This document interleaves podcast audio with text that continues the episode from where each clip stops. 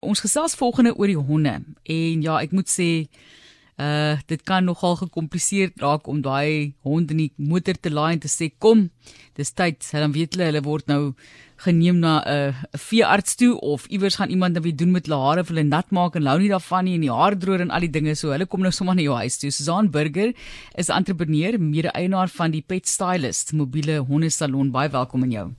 Dankie Martelies, dankie vir die geleentheid. Fantasties. So al die honde is mooi netjies gemaak nadat hulle by julle was of julle dan nou by hulle is. Vertel ons net van die konsep. Hoe verskil dit van 'n uh, statiese gewone salon vir honde. Ehm um, weet jy Martelies, eh, die manier van dienslewering is drasties besig om te verander.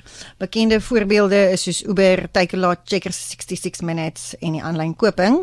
Dit gaan oor gerieflikheid, nie nodig om jou hond rond te ry om hom af te gaan lewer nie en weer op te gaan tel nie. Ons kom na jou toe. Dis ook baie meer gerieflik vir die honde. Die tradisionele manier van 'n hondesalon is dat die honde word gery en afgelaai by 'n vreemde plek Daar word hulle dan in 'n hok gesit vir die hele dag tot dit dan nou hulle beurt is. En rondom hulle word hulle blootgestel in in onrustige honde. So die hele ervaring uh, van die gewone hondesalon kan redelik dramaties wees.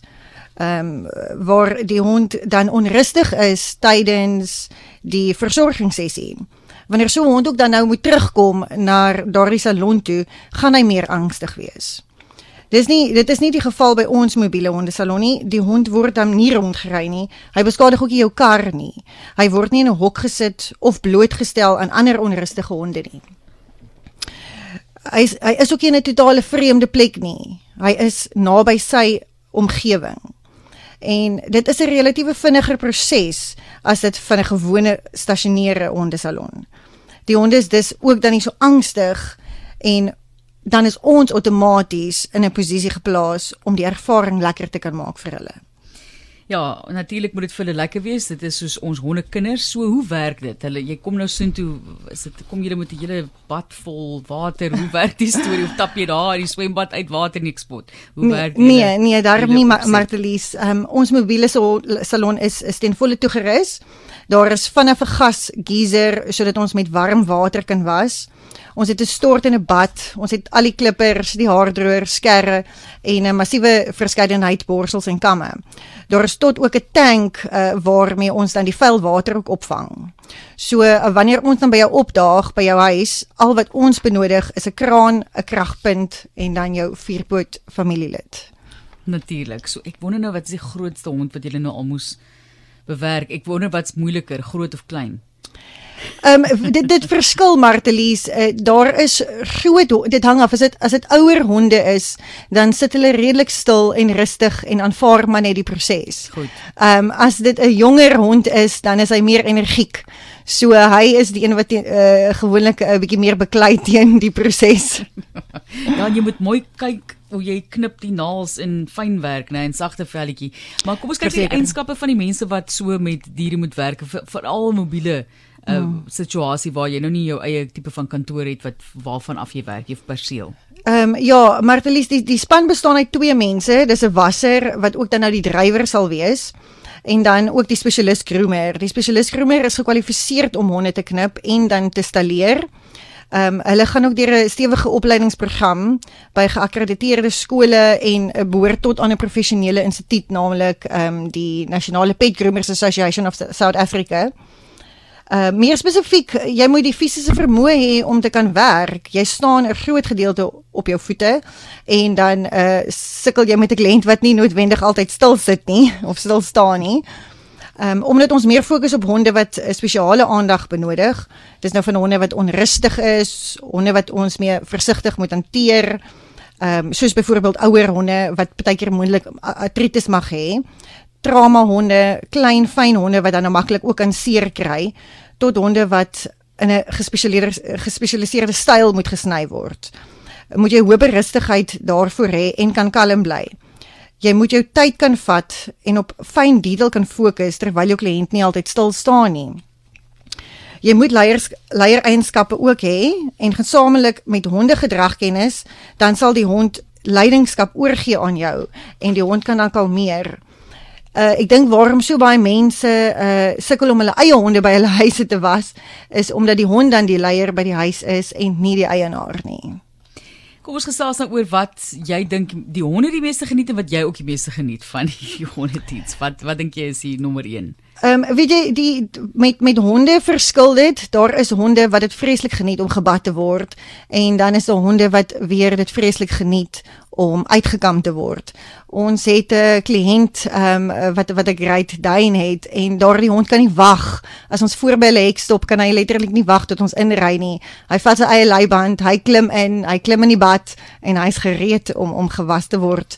Ehm um, wat ook belangrik is uh, vir ons mense is natuurlik dat hulle ehm um, dit dit moet hulle lewe en hulle passie wees om om ook met hierdie honde te kan werk. Ehm um, ja, en vir my is mens sien mens sien verskillende tipe honde ehm um, en hulle alkeen het hulle eie unieke persoonlikheid ehm um, wat wat gewoonlik ten volle wys in hulle gemaklike area. So ehm um, hulle is nie angstig soos by 'n gewone hondesalon ehm um, waar hulle dan nie hulle eintlike ware persoonlikheid wys nie. Ehm um, dis ook lekker om met honde of om vir honde te kan help sonder dat hulle getraumatiseerd raak. Ons gesels hier oor 'n mobiele hondesalon met Susan Burger, sy is die mede-eienaar van die Pet Stylist mobiele hondesalon. So wat weet julle wat ons nie weet nie? Terloops, en ek dink as mense wat luister, "Ag, oh, regtig 'n hondesalon nie." Jy spot seker ja. nou met my hierso. Enige ja. iemand wat nou net gevindige hond kan was en die hare droog maak. Ja, nee, nee Martelies, ehm um, 'n uh, hondegroom is nie net iemand wat 'n sker optel installeer nie. Dit is hoogs gespesialiseer. Die toerusting is hoogs gespesialiseer as ook die produkte wat 'n mens gebruik. Die verskillende rasstyle is ook hoogs gespesialiseer. Dis nie net bad en knip. Ehm um, ons kyk ook na probleme by die naels, die oë, die tande, die ore, die velle. Ehm um, en, en dan maak ons aanbevelings aan die eienaars.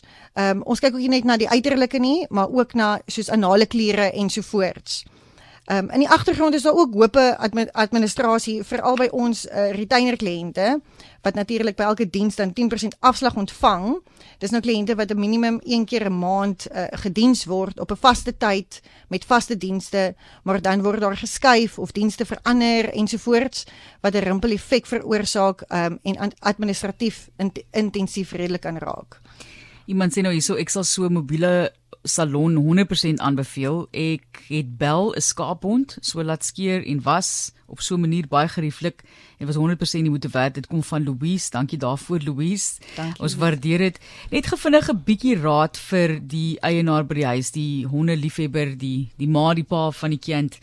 Wat sal jy sê moet hulle van jonktyd af reeds begin doen? Ehm um, Ek sal sê sosialiseer jou hond wanneer hy 'n baba is. Daar daar is menige skole daar buite wat jy dit kan doen. Uh wees oplettend vir probleme op sy vel, sy tande, oë en naels. Dit kan baie pyn spaar vir jou vierpoot baba en en en bekommernis en geld vir jou as jy 'n probleem vroeg aanspreek. Borsel jou hond gereeld. Nie net vir om van haarverlies ontslae te raak nie en om koeke te voorkom nie, maar ook dat hy gewoond raak aan sulke toerusting en die gevoel daarvan aan hom. Daar is baie oulike boeke ook daar buite, The Dog Listener en The Puppy Listener. Dit is geskryf deur Jan Vennel van uh, wat wat handel oor hoe om jou hond en sy taal ook te verstaan. Goed. Hoeveel honde het jy? Ek ek het ek het een hond uh, as as ek kon en ek het 'n plaas besit sal ek teen teen 'n uh, paar duisend gehad het. Fantasties. Groot waarde vir mense in om 'n hond mooi te versorg. Jy weet ja. hulle is lief saam met ons. Ons baie mense het op 'n stadium gepraat oor of jy sal toelaat dat 'n hond op jou bed slaap of nie. En daar was mense wat gesê, "O oh, nee, sis."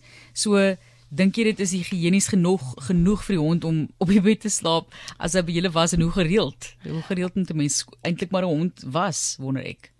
Mardelis daar, daar die, die, dit is die, alles vir die kliënte. Hmm. Die kliënte sal daar's kliënte wat een keer 'n week, een keer elke tweede week, een keer 'n derde week en dan is daar kliënte wat een keer 'n maand. Ehm um, ek sal sê verkieslik ten minste een keer 'n maand. Ek sal nie soos hier sê dit moet miskien een keer elke week gedoen word nie, want dan sal jy ook agterkom dat die vel bietjie meer sensitief raak.